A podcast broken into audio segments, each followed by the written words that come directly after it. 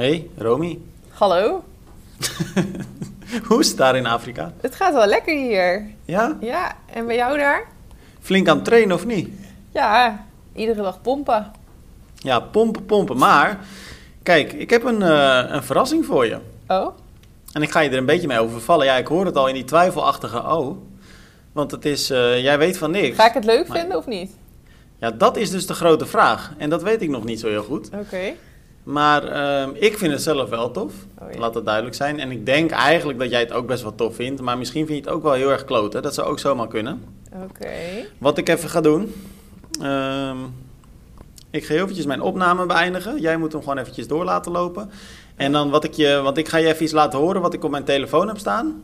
Eh, dus dat, eh, maar daar zullen de luisteraars niks van merken, want we zullen dat bestandje vervolgens gewoon eventjes eh, in dit, nou ja, tussen deze podcast monteren. Maar ik wil je dus even iets gaan laten horen. Oké. En ehm, dat bericht is speciaal aan jou gericht. Oh mijn god. Maar goed, dat zul je weer Ik horen. haat verrassingen. Eh, dus ik, ja, maar dit is wel een hele speciale hoor, Romy. Echt, echt voor jou bedoeld. Ik ga, ik ga hem nou, ik instarten ben echt voor je. benieuwd. Hey Roby, Hielke van 3 to 1 Coaching hier. Roby, ik breek even in bij jullie in de podcast en ik richt me ook vooral tot jou, want Tim die is al eh, op de hoogte van het heugelijke nieuws. Oh. Namelijk, ehm, ja, de redactie van Triathlon die moet nog zwemmen in de Entespool bij 3 to 1 in Amsterdam. En vorige keer kwam je daar natuurlijk hartstikke mooi weg, want toen hadden we één bad tot onze beschikking. En dat is een mooie high performance Entespool waar één persoon in kan zwemmen. Maar tegenwoordig hebben wij een duo Entespool. En in die duo Entespool zwem je met z'n tweeën tegelijk. Is het mogelijk om samen een zwemanalyse uit te laten voeren? Is het mogelijk om samen een duo personal training uit te laten voeren? En natuurlijk, je ziet erbij al hangen. ehm, Ja.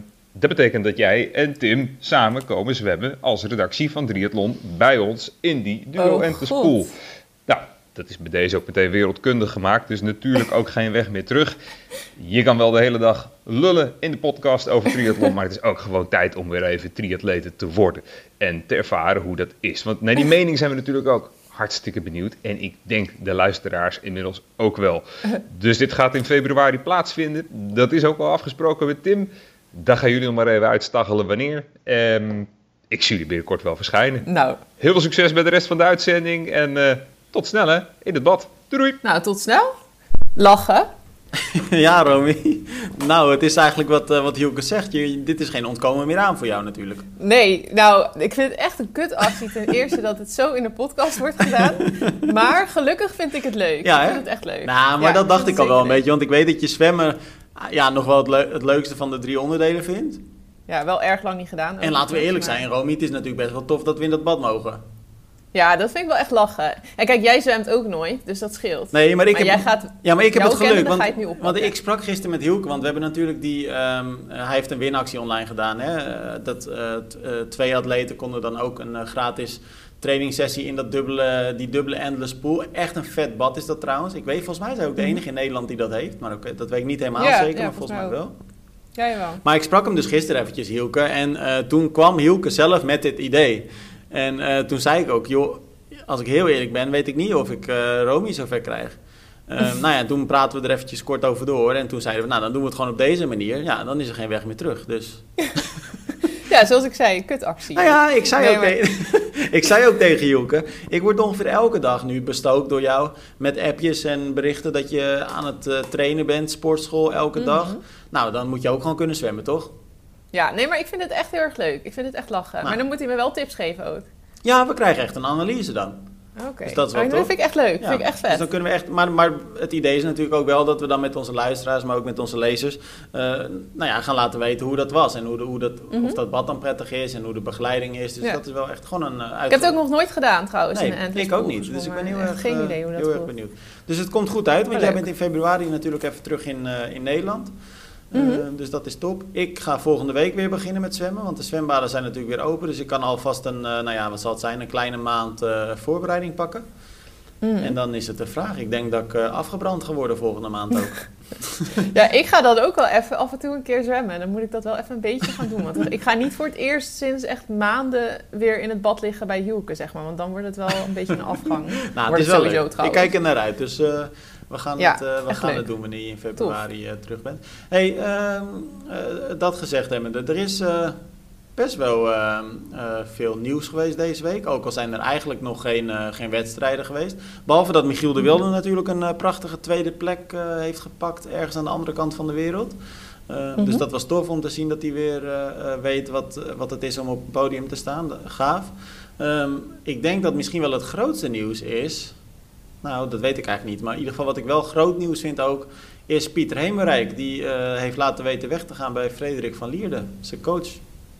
Ja, nou ja, ja, als je zo um, naar zijn overzichten kijkt naar wat hij heeft behaald, uh, gepresteerd dit jaar, dat is erg weinig. Hij heeft één, één goede wedstrijd gehad eigenlijk, dat was Ironman Frankfurt. En verder waren het uh, volgens mij vier DNF's uit mijn hoofd. Mm. En allemaal ja, buiten de top 20, 19e geloof ik een keer. Echt voor zijn doen slechte prestaties. Want hij was natuurlijk altijd heel erg uh, goed bezig, ja. vooral op de middenafstand. Blessureleed natuurlijk ook gehad, hè?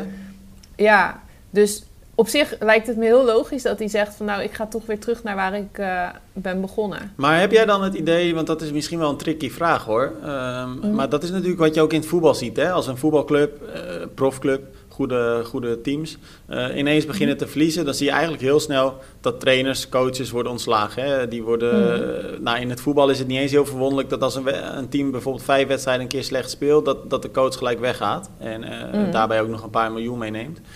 Uh, maar heb jij dan, in het voetbal heb ik niet per se altijd het idee dat dan de juiste persoon wordt weggestuurd of, of dat het iets oplost.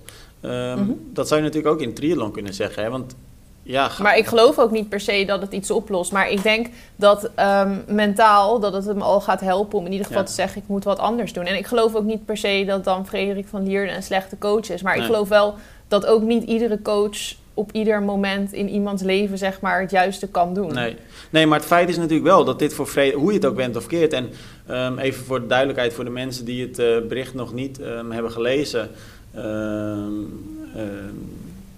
Hemerijk is eigenlijk vol lof over Frederik. Bedankt hem ook voor de mooie tijd. Nou ja, dat is eigenlijk wel, mm-hmm. laten we eerlijk zijn, dat zijn ook een beetje de standaard reacties natuurlijk. Uh, maar hoe je het ook went of keert, dit is natuurlijk echt wel waardeloos voor ook Frederik van Lierde. Want dit is niet echt ja. de beste reclame die je als coach kunt krijgen. Nee, dat, dat zijn gewoon echt rotdingen. Maar ja, je kan er over het algemeen natuurlijk ook gewoon niks aan doen. Je hebt af en toe, denk ik, er gewoon mensen bij zitten. En het, het kan dus ook gewoon liggen aan misschien dat uh, Pieter uh, volgens mij heeft hij ook nog een keer een kleine gekregen. Een tweede, dacht ik, rond die tijd. Maar misschien dat, het gewoon, dat hij daardoor ook heel druk is geweest. Ja, je weet het niet. Het kan altijd ook iets anders zijn wat uh, speelt. Of, of die lange afstand is gewoon voor hem echt iets lastigers. En dat, daar heeft hij minder talent voor. En dan was net dat het moment waar Frederik Vonk... Of uh, Frederik Vonk... Frederik van Lierde, zeg maar, erin stapte. Waardoor het lijkt alsof het allemaal... Ja, ja maar het, ik zijn, denk maar het zijn ook de middle distances... waar hij eigenlijk gewoon ja, toch wel slecht was dit jaar. Maar ik denk omdat hij ook anders is gaan trainen om ja. zich dus ja, om beter te worden op de lange afstand. En dat is duidelijk, heeft dat voor hem gewoon nog niet gewerkt. Mm. Dus misschien is er nog een, ja, moet hij een andere manier vinden waarop het wel werkt. Of hij komt erachter dat daar gewoon zijn talent niet echt ligt. Ja, ja. Nou, het is, maar ik denk wel dat het moeilijk is voor hem om terug te gaan komen. Ja, dat denk ik ook. En ik wilde net aan je vragen: van hoe, hoe groot denk je ook dat die druk voor hem is? Ja, dat, dat is het. Dat is nu, nu gaat iedere keer, ja, die druk die wordt zeg maar steeds groter inderdaad.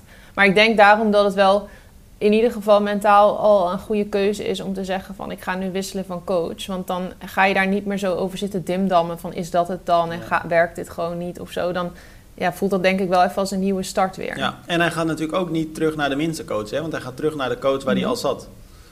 Ja, volgens mij is hij ook een coach van Maurice Cleval, van die uh, laatst nog uh, Ironman Zuid-Afrika won. Oké, okay, nou hij, sta, hij staat in ieder geval bekend als een uh, succescoach. En ja. Uh, nou ja, het is natuurlijk uh, heel duidelijk dat hij in ieder geval met Hemerijk ook de juiste snaar wist te raken tot, uh, tot vorig jaar. Ja, ja, want Hemerijk was echt super, super sterk natuurlijk. Ja. Die liep echt keigoed. Dus ja, waar dat... Dus ook het verschil tussen wat hij dan deed in 2019, 2020 zeg maar. Want 2020 was natuurlijk een raar jaar, daarin race hij niet zoveel. Maar als je die jaren dan vergelijkt met 2021 is het echt zo'n groot verschil. Ja, dat, dan vraag je af hoe kan dat hè? Ja, dat is wel echt een bizar groot verschil. Dat snap ik eigenlijk ook niet helemaal, hoe je ineens zoveel slechter kan gaan lopen. Dat hij bijvoorbeeld, je zou verwachten dat hij dan zesde, zevende wordt in een wedstrijd, in plaats van dat hij wint. Mm -hmm. Maar eigenlijk, dat het zo slecht gaat, dat geeft voor mij ook wel een beetje het gevoel dat het een mentaal ding is. Ja, dat moet haast wel. Want het is te extreem, zeg maar, het verschil. Ja, of hij heeft iets onder de leden of zo. Dat kan natuurlijk ook. Dat hij echt. eh, Ja, maar dan, Ja. ja. dan zou je dat toch ook wel gehoord hebben. Aan de andere kant is dat ook ehm, lastig inschatten of je dat dan gehoord zou hebben. En dan sla ik gewoon het bruggetje naar het volgende onderwerp. Ehm, fake. Ja, precies, fake. En Alles is fake. ik bedoel, ik betrap jou er ook regelmatig op dat je allemaal eh, Mhm. fake berichten online gooit. Eh, Ja, f- privé vooral. En dan heb ik het weer toch weer over dat gepomp in de sportschool. Ja, terwijl ik eigenlijk gewoon koffie zit te drinken in het eh, café. Even een booty shot en dan naar het café.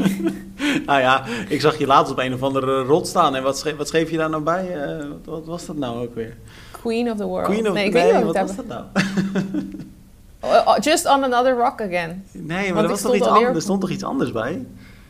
Eh, Mm. Nou ja, doet ook eh, niet ter niet. zake. Eh, maar zonder dolle, ehm, het gaat inderdaad wel over fake news. En eh, dat is een statement, en best wel een fors statement moet ik zeggen, van Chris McCormack. Nou, natuurlijk tweevoudig Mhm. Hawaii-winnaar, heeft ook tal van andere wedstrijden gewonnen. Dus Mhm. ja, voor de mensen die hem niet kennen, het is niet per se de minste triatleet. Bijzonder figuur. Bijzonder figuur. Nu natuurlijk geen triatleet meer, laat het duidelijk zijn. Ehm, maar wat hij zegt, en daar kunnen we het wel even over hebben met elkaar. Hij zegt, Mhm. triathlon heeft eigenlijk gewoon geen fake social media berichten nodig. En ehm, wat hij dan bedoelt, is hij heeft heel erg het idee... en hij slaat zichzelf ook op de... of hij, hij, hij neemt het zichzelf ook kwalijk. Hij zegt, Mhm. ehm, ik maak me daar ook schuldig aan. Maar we plaatsen eigenlijk allemaal, profatleten, best wel veel ja, bullshit online. Berichten die eh, Mhm. te mooi zijn om waar te zijn. Eh, het moet allemaal goed zijn, het moet allemaal geweldig zijn. Slecht nieuws delen we eigenlijk niet. Ehm, en daarnaast wordt er ook te weinig aan storytelling gedaan. Eh, hij benoemde vooral Ironman. Hij nam het Ironman heel erg kwalijk. Mhm. Maar hij zegt daardoor ontstaan er ook eigenlijk geen authentieke atleten meer. En ehm, ja, is het, dat, dat is gewoon niet goed voor de sport. Eh, Mhm. Ja, wat vind je ervan? Ja, nou ik denk dat sowieso social media was er in zijn tijd natuurlijk helemaal niet. Ik denk dat er in zijn tijd eh, ook atleten waren die 's ochtends op de zwemtraining verschenen en deden alsof alles goed ging, terwijl ze eigenlijk helemaal niet lekker in hun vel zaten of zo, zeg maar. Ik geloof dat fake nieuws er altijd wel is, zeg maar, of nepgedrag. Maar dat je het nu misschien wel iets meer ziet doordat je de hele dag over Instagram scrolt. En het, heeft wel een beetje, ja, het is wel een beetje gebruikelijk om op Instagram te zetten wat er allemaal goed is en leuk. Maar ik weet niet, want hij zegt dus dat er niet echt meer karakters worden gebouwd of zo in Mhm. deze tijd. Of wat noemde hij het? Nou, ik, ik vind dat best wel een punt hoor. Want hij, hij zegt inderdaad, eh, je mist nu authenti- authenticiteit. Je mist Oh ja, ehm, eh, atleten die eigenlijk gewoon echt zichzelf zijn. En het is natuurlijk Mhm. wel een feit dat ehm, social media, en dan met name Instagram, wordt natuurlijk veel gebruikt door ja, toch wel jongere mensen. Ik, ik denk dat de, de grootste doelgroep toch wel ongeveer tot 30 is. Ehm, Maar ook heel veel echt jongere kinderen. En die kijken natuurlijk allemaal naar die topatleten. Want dat zijn een beetje hun Mhm. idolen. En als je dan Ja. altijd ziet dat het nou ja, geweldig is. En dat nou ja, blessures zie je eigenlijk nooit voorbij komen. Ziekte zie je nooit voorbij Mhm. komen. Je ziet eigenlijk ook nooit slecht weer voorbij komen. Nee. Het lijkt allemaal een prachtig Weinig, leven. ja. Je ziet eigenlijk niet dat er heel hard getraind wordt. Ehm, Nou, dat zie je wel, toch? nou ja, als ik heel eerlijk ben, als, je- als, ik, als je naar de social media van een Jan Frodeno kijkt, of een, eh, nou noem Ja, maar. maar ik vind Jan Frodeno vind ik inderdaad wel een voorbeeld van iemand die niet heel, en dat klinkt misschien wel weer heel hard, maar heel eerlijk is. Ik vind hem inderdaad niet een hele transparante atleet of zo. Nee, maar dat geldt toch best wel voor heel veel atleten. Want ik kan eigenlijk Ja. heel veel profatleten noemen, zeg maar de echte beste atleten ter wereld. Als Ja, je dan hun, als je hun social media bekijkt, lijkt het alsof het dan. Je ziet ze altijd in een zonnig zwembad. Je ziet ze Mhm. altijd eh, gewoon easy ritjes maken met een, met een kop Nee, koffie, weet ik ja. wat allemaal. Je, je Mhm. ziet nooit echt een, een, een zware training voorbij. De Bijna ellende. nooit. En het is ook best wel ellende af en toe natuurlijk. Precies. Ja, dat is, dat is misschien inderdaad wel zo. Ik zit meer te denken aan de, wat, de groep die dan onder die profs hangt. Want ik vind dat daar heb ik nu wel een paar voorbeelden in mijn hoofd van atleten die dan ook wel, die wel echt vrij eerlijk gewoon delen van de ups en de downs en zo. Mhm. Ehm, maar, eh, maar dat zijn niet echte ja. atleten die per se de grootste idolen van kinderen zijn. Nee, dat zijn ze inderdaad niet. Want ik zit nu dus aan drie namen te denken, bijvoorbeeld. Ik weet niet, maar de, ik zit even, er komen drie namen nu in mijn hoofd naar boven. En dat zijn dan ja, een beetje... Ja, B-atleet is ook wel weer overdreven. Maar inderdaad niet echt de Jan Frodeno's. Nee, gewoon maar net onder ik de vind top. bijvoorbeeld Lionel Sanders vind ik wel authentiek.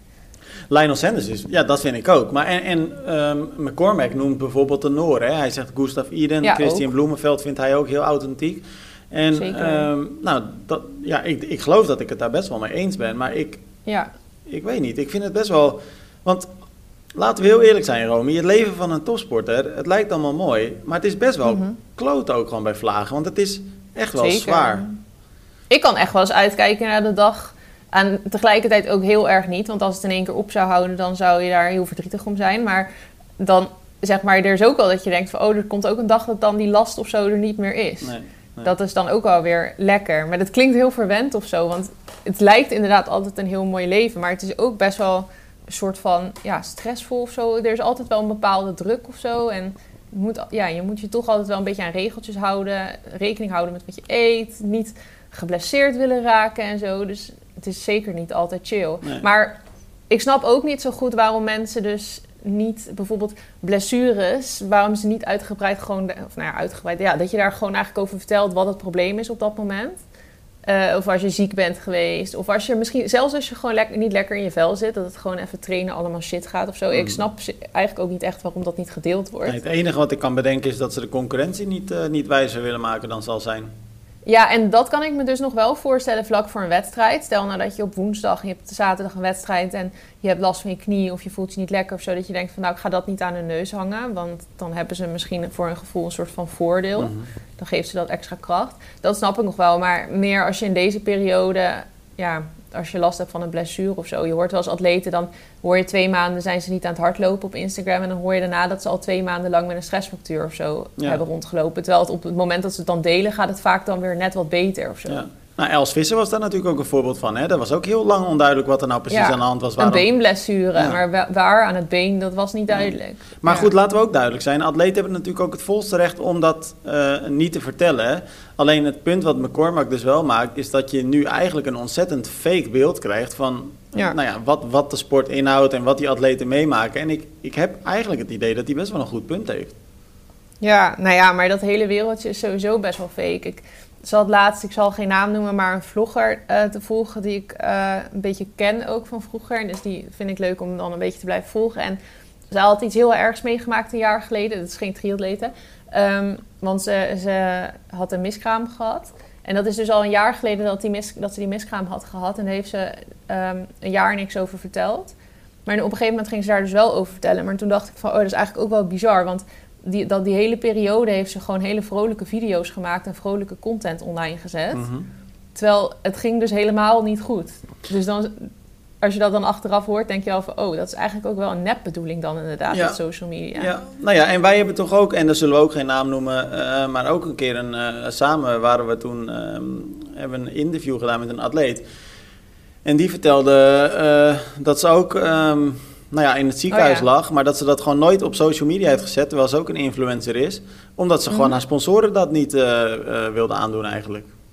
Ja, ja, dat vond ik ook echt wel bizar. Vooral ook aangezien er dus in die periode wel andere content online kwam, alsof dat diegene dan ging hardlopen Ja. of zo. Maar bedoel jij trouwens met jouw verhaal, maar misschien ook niet hoor, en dan hoef je de naam niet te noemen, maar jouw verhaal doet me gelijk aan die voetbalster Anouk Hogendijk denken. Oh nee, dat verhaal ken ik niet. want die heeft, die heeft dat namelijk, die was toevallig vorige week in het nieuws inderdaad, of twee weken terug, ook met een tweede miskraam. En die heeft toen ook die eerste Hmm. niet eh, per se gelijk verteld en zo. Maar dat is best Ja, wel... ik moet er trouwens bij zeggen dat ik wel kan begrijpen dat je zoiets niet wil vertellen, aangezien je vaak ook niet vertelt als, als je probeert zwanger te raken. Zeg Absoluut. maar. Dus ik snap, snap wel dat je dat niet wil vertellen. Maar het is meer dat ik erover nadacht van, oh wel heel apart dat je dan natuurlijk al die tijd wel vrolijke video's hebt Ja, blijven maken. dat. Dan is, zie je gewoon hoe nep eigenlijk dat allemaal is. Ja, ja, ja. Daar gaat het me meer om. ja. Maar ja, ik snap wel, want we hadden het hier van de week natuurlijk ook al even over. Dat zei ik ook al tegen jou. Van, ik snap wel dat als je ehm, een, je hebt wel eens, ik denk dat iedere atleet zo af en toe wel eens een keertje ergens een pijntje of iets heeft dat je denkt van shit, is dit wat? Gaat dit een probleem zijn? Toevallig had Evert het, ik weet niet of ik het van hem mag vertellen, maar ik zou eigenlijk niet weten waarom, dus ook niet. Dus ik doe het gewoon. Maar al twee weken geleden had hij een, eh, ik noem het een dopert, had hij een eh, bultje onder zijn voet. ja. Gewoon een soort klein rond bultje. En dat irriteerde heel erg, want het kwam iedere keer zo, het duwde zeg maar in zijn voedsel als Mhm. hij ging rennen. En nou, het heeft hij een week, heeft hij een paar dagen een beetje rustig aangedaan met lopen. Of even een paar dagen zelfs niet gelopen. Ik denk drie, vier dagen niet gelopen. Toen wel weer. En nu gaat het afkloppen, maar gaat het weer goed. Mhm. Maar zeg maar, dat zijn dan wel van die dingen waarbij je denkt... ja, moet je dat dan meteen, weet je wel... dat is ook weer zo overdreven als je echt ieder, eh, ieder klein pijntje... En zoiets voegt nou ook weinig toe, toch? Ik bedoel, je bent niet uit Ja. de running of zo. Nee, maar als je dus echt een blessure hebt op een gegeven moment en je weet wat het is, het is een stressfactuur, of je hebt gewoon echt ja, een bepaalde blessure die langer aanhoudt, dat, dat je bijvoorbeeld twee weken niet gaat lopen of zo, Mhm. eh, ja, dan denk ik wel van ja, waarom zou je dat dan niet gewoon zeggen? Vooral als je dan vervolgens wel gaat doen alsof alles eigenlijk top gaat, terwijl het dus helemaal niet top Ja, gaat. ja. Of je doet gewoon een Juri Keulen, hè, dat als je geen zin hebt in een Geen interview, interview. dan ga je gewoon zeggen dat je een heel zwaar trainingsblok hebt en dat je geen tijd hebt. Kan ook. Ja, dat kan ook. Ja, dan, maar voor mijn gevoel moet je dan wel 60 plus uur trainen. Ik denk dat toch wel weinig atleten dat doen. Ja, en misschien moet je dan ook nog wel zeg maar nog iets beter presteren of zo, tot je op dat punt bent gekomen. Maar het is wel Ja, eh, maar ik krijg dus ook meteen het idee als een atleet zoiets niet wil of zo, dat, dat ze dan iets willen. Ja, Nou ja, een paar dagen later bleek die COVID te hebben, dus wellicht heeft het daarmee te maken. Ja, misschien dat dat het dan was of zo. Ja, dat vraag ik me dan wel af, want ik snap niet zo goed waarom je dat dan niet zou doen. Nee, Maar bijzonder. Hey, als we hier over ehm, de lijn doortrekken, want dan ga ik gewoon naar het volgende nieuwtje. En dat heeft er eigenlijk, eh, nou ja, zijdelings, maar ook wel vrij rechtstreeks mee te maken. Want dat heeft ook wel eh, veel met social media raakvlak. Ehm, Mhm. Want de PTO die kwam ook eventjes, eh, ja, toch best opvallend in het nieuws. De Professional Triathletes Organization dus. Ehm, Want eh, zij hebben een mail gestuurd aan atleten. Dat zijn er eh, honderden in hun geval. profatleten dus. En ehm, allerlei atleten die dus meedoen in die World Ranking, die PTO-ranking, waarbij ze ook eh, behoorlijk wat prijsgeld kunnen verdienen. Maar die ranking is natuurlijk al eigenlijk sinds de eerste dag ja, eh, reden tot eh, best wel wat kritiek van sommige profatleten. Ze vinden de ranking niet altijd even doorzichtig, ze vinden hem niet altijd Mhm. even duidelijk. Ehm, kortom, best wel wat kritische berichten komen daar eh, soms over naar buiten. Zowel op socials als gewoon in het echte leven, zeg maar. En ehm, nou ja, de PTO heeft de balans opgemaakt na dit seizoen, prijzenverdeling bekendgemaakt. Maar daarin deden ze nog een laatste oproep. En die oproep in die mail, echt gericht dus aan die profatleten, was... ehm, het is eigenlijk gewoon, eh, zouden we het wel zeer waarderen als jullie niet altijd kritiek op onze ranking hebben. Ehm, Mhm. Nou, denk er goed over na eh, om, of het slim is om kritiek te hebben. Want dan zitten wij met kans in dat dat gevolg heeft voor het aantal sponsoren. En daardoor ook uiteindelijk is dat voor jullie minder goed. Zoiets. ja, maar dat komt exact op hetzelfde neer natuurlijk. Dat is eigenlijk gewoon een verkapte manier van zeggen, heb geen kritiek. Ja, ja het was wel, dat was wel inderdaad uiteindelijk waar het op neerkwam. Ja. Eh, het wordt inderdaad wel afgesloten met het boodschap dat het een advies is om commentaar niet op socials te delen. En precies met de reden die jij net zegt, het zou ons sponsoren en daarmee dus jullie prijsgeld kunnen kosten. Ehm, Mhm. Ja, wat vind je ervan? Ehm, ik vind dat je dat als bedrijf dat je dat nooit zo zou moeten zeggen. Dat vind ik gewoon echt best wel dom. Maar ik snap wel, ik snap ook niet atleten die echt aan één stuk doorzeuren op de PTO. En dan heb ik nu even iemand in mijn hoofd die echt veel eh, erover klaagt, zeg maar. Laura Silva, denk ik? ja, iedere keer als ik probeer iets anoniem te doen, dan noem Nee, ja, maar we mogen dat... dus- Ik bedoel, ze doet dat openbaar, dus we kunnen dat... dat mogen Ja, het is een beetje een fake podcast. Ik wil het ook allemaal een beetje vaag houden, Nee, maar er is toch geen reden... Kijk, als we haar in bescherming moeten nemen, dan zouden we dat heus doen. Maar ik bedoel, zij doet het Ja. openbaar, dus... Nee, ze doet het ook maar. Ik vind wel dat zij eh, ja, een beetje veel commentaar levert. Dan denk ik wel van de PTO doet het uiteindelijk. Daar ben ik van overtuigd met de beste intenties. Ehm, en het systeem is vast nog niet geweldig. Maar ze- ze hebben ook in diezelfde mail gezegd dat ze daarmee aan de slag zijn om, ja, om dat te verbeteren. En ik snap best dat, je dat, ja, dat het iets heel ingewikkelds is. Want dat leggen ze in die mail ook uit. Er zijn heel veel datapunten dingen. Als je één dingetje verandert, dan ja, verandert er meteen heel veel. Dus je moet daar heel goed over nadenken. Dat snap ik wel. Ja, maar het is wel Maar- een feit dat, er, ehm, dat ze best wel heel lang de tijd eh, hebben genomen om er ooit een keer iets aan te veranderen, toch?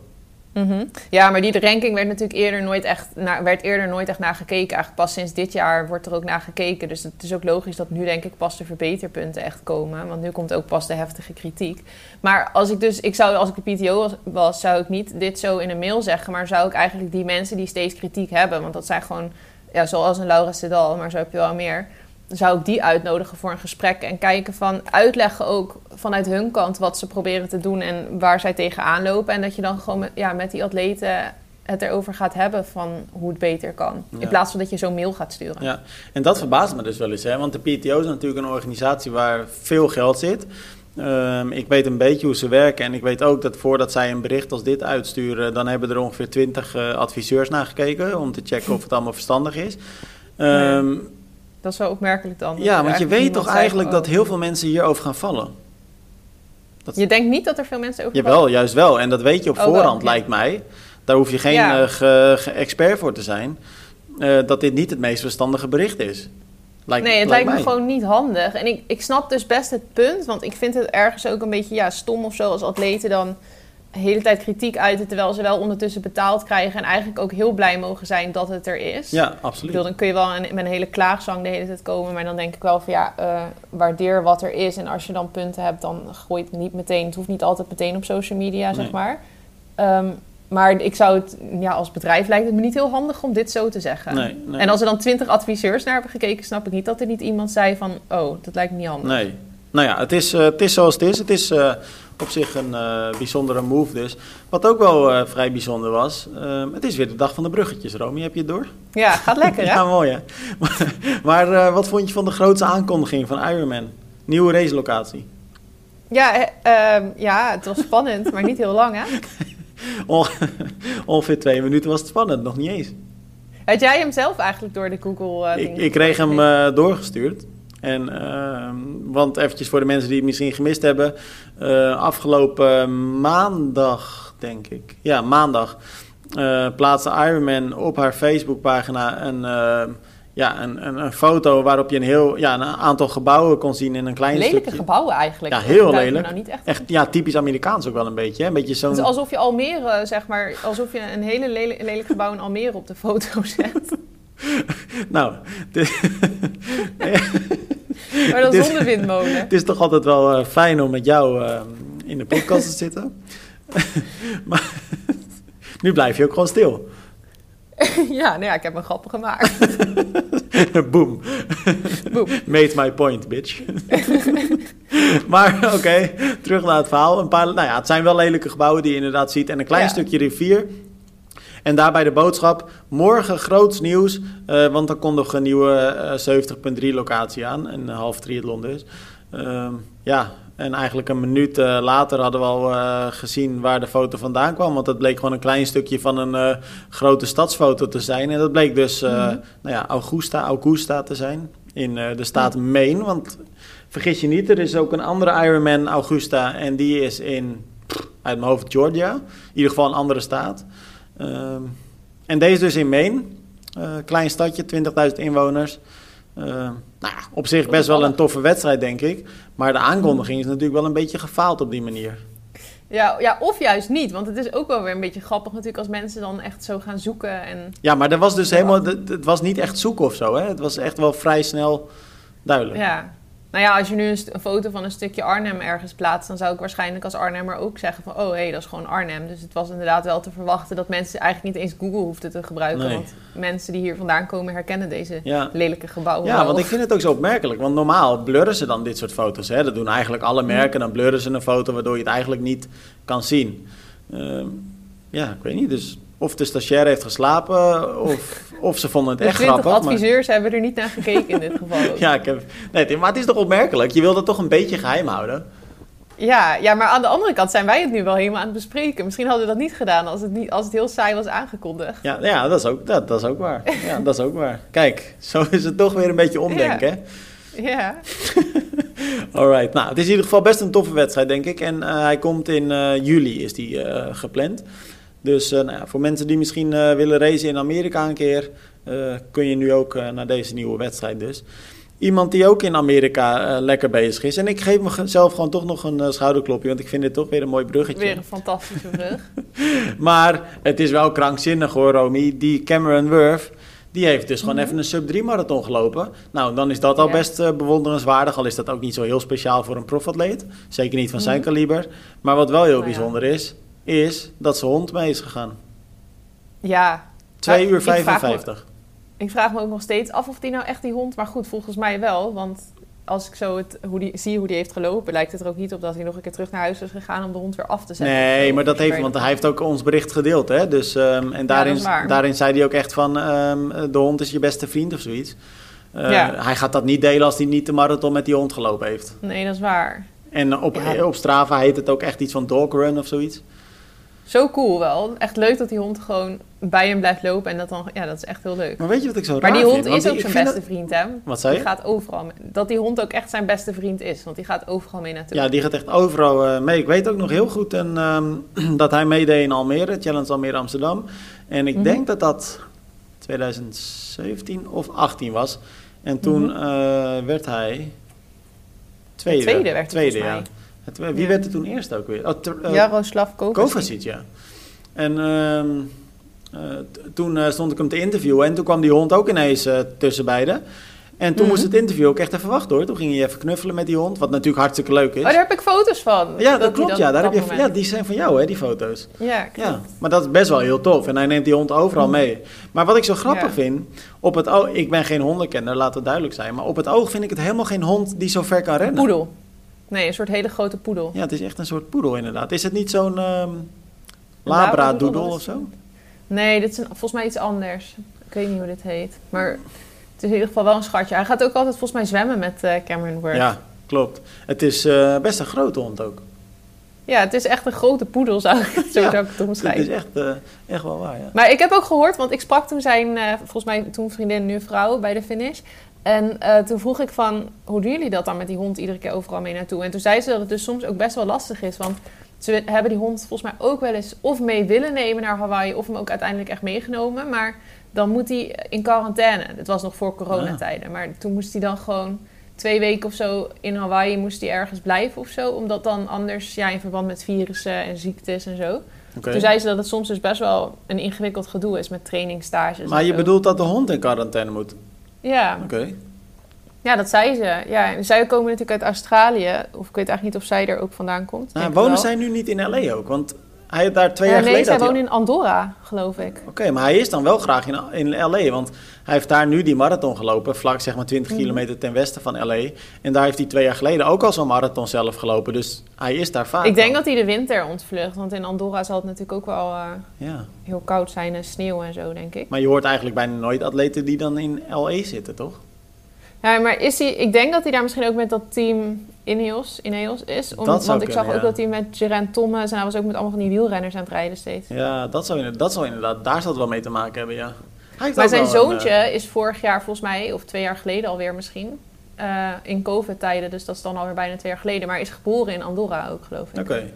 Nou, aardige jongen vind ik het hoor. Die Cameron Wurf, heel vriendelijk. En die heeft natuurlijk echt wel heel wat eh, meegemaakt qua carrière al. En natuurlijk ook heel lang profrenner Mhm. geweest en nog steeds nu. Al is dat een beetje een, ja, een extra rol die hij vervult binnen dat Ineos-team. Maar veel ervaring en eigenlijk altijd heel erg aardig en vriendelijk. Hè? En maakt tijd voor Mhm. iedereen en ja, wel tof. Ja, wel af en toe heel irritant op social media. Ah, ik, vind, ik wilde net tegen je zeggen, ik vind hem eigenlijk een van de grappigste mensen op social media. Ja, dat misschien wel, maar hij is ook wel weer een beetje irritant, vind ik af en toe. Hoor. Want dan kan hij wel echt zo de hele tijd zeuren, bijvoorbeeld tegen Sebastian Kienle... toen een keer dat hij een packrat is of zo. Ja, maar dat is toch wel, het is wel humor, toch? Dat komt wel... Ja, maar ik vraag me af of andere atleten er niet af en toe een beetje gek van worden. Maar misschien is dat Ja, zou kunnen. Maar ik heb wel het idee dat het bij hem ehm, oprecht als grap bedoeld is en dat het ook wel uit een goed hart komt of zo. Maar misschien ja, schat ik volgens mij is het in. inderdaad wel zijn manier, gewoon zijn type humor, zeg maar. Maar ik kan me voorstellen dat mensen af en toe denken van, hou nou eens op. Ja, ja. ja, als het, ja misschien wel. Oké, nou, ik eh, zou zeggen, de podcast eh, zit weer op eh, voor vandaag. Mhm. Een beetje trainen dan in het zwembad de komende dagen, Romy, of de komende weken. Ja. Dat, we, dat we er flink Ik ga tegen maar een beetje mijn best doen, want anders wordt het wel een beetje een afgang. Ik ga vol... Ik hoop, Ja? ik hoop dat ik minder aanmerkingen krijg dan jij. Ik eh, schat de kans niet per se heel klein in. Ik, ik denk dat ik heel veel aanmerkingen ga krijgen, want mijn techniek is natuurlijk niet echt denderend. Maar het is voor jou ook echt wel even goed. Kijk, ja, ik ga uiteindelijk niet een eh, challenge rood of zo doen, maar jij kan er echt wel even wat aan hebben. Ja, nou ja, ik ben heel erg benieuwd. Ik ga volgende week dus, eh, dus weer zwemmen in het zwembad gewoon in Almere. En ehm, ja, ik ben benieuwd of ik volgende week nog de microfoon kan vasthouden. Ja, maar je hebt ook eigenlijk nog nooit echt techniektraining gedaan, toch? Nooit. Nee, je hebt dat, dan ga je, dat echt, eh, ga je er echt veel aan hebben. Tenminste, Ja, ik neem aan dat je... Maar zou je, er dan, zou je er dan wat aan hebben als je het maar één keer doet, denk je? Ik denk als die bijvoorbeeld al tegen je zegt van nou, je insteek, eh, je laat je arm te veel zakken voordat je je catch maakt, zeg maar dat je zo Mhm. gaat, eh, snap ik bedoel? Ja. Dan, dan kan je er al wat aan hebben, want dan kan je daarop gaan letten en dan helpt je dat alweer, dan heb je alweer een veel efficiëntere slag. Ja, ja, ja. Maar vlak me niet uit. Hè. Het zou natuurlijk ook kunnen dat hij mij ziet zwemmen en gewoon zegt van dit is eigenlijk perfect. Hou maar mee op, je hoeft niks meer te doen. Nee, dat kan echt niet. Dat Nee, is nee, gewoon nee. onmogelijk. Maar dat is bij mij zeker onmogelijk. Trouwens, je hebt mij toch zien zwemmen in, Kran- op Gran Canaria. Dus dan weet je dat het niet eh, per se heel goed is. Ehm, oh ja, ja, maar ik heb eigenlijk toen niet zo goed op je techniek gelet. Nee, ik lag te ver voor, hè? ja, ik kon je niet meer zien. Je was in één keer zo snel uit zicht. We gaan het, eh, we gaan het zien als we bij Try to One coaching gaan zwemmen. En, oh, eh, toen heb ik gezwommen ook met jou. Ja, Ja, toen ja, ging ja. ik helemaal stuk. toen, ging jij, toen ging jij best wel snel terug alweer. We waren net voorbij de boeien, zeg maar, om zo vanuit het kinderbadje, zeg maar. van- In de zee was dit. Ja, En toen ben ik omgekeerd. ja en ik, eh, ik geloof dat ik toen iets van 45 kilometer gezwommen had of zo. Ja, maar even, jij had een wetsuit aan toen en ik niet. Nee, we hadden helemaal geen wetsuit aan. Die, Wel, toch? die keer niet hoor. Of wel? Volgens mij wel. Ja, dat zou best wel kunnen eigenlijk, nou je het zegt. Dus het was een oneerlijke strijd. Ja, Ja, dat klopt inderdaad. Evert had toen geen wetsuit aan, denk ik. maar dat, die deed toch een beetje voor spek en bonen mee. Oké, Romy, we gaan, het, eh, we gaan het gewoon zien. Ik heb er zin in. En eh, Ja. ik heb ook zin in de podcast volgende week weer. Dus eh, ik spreek je dan. Ja, leuk. Doei. Nou, doeg.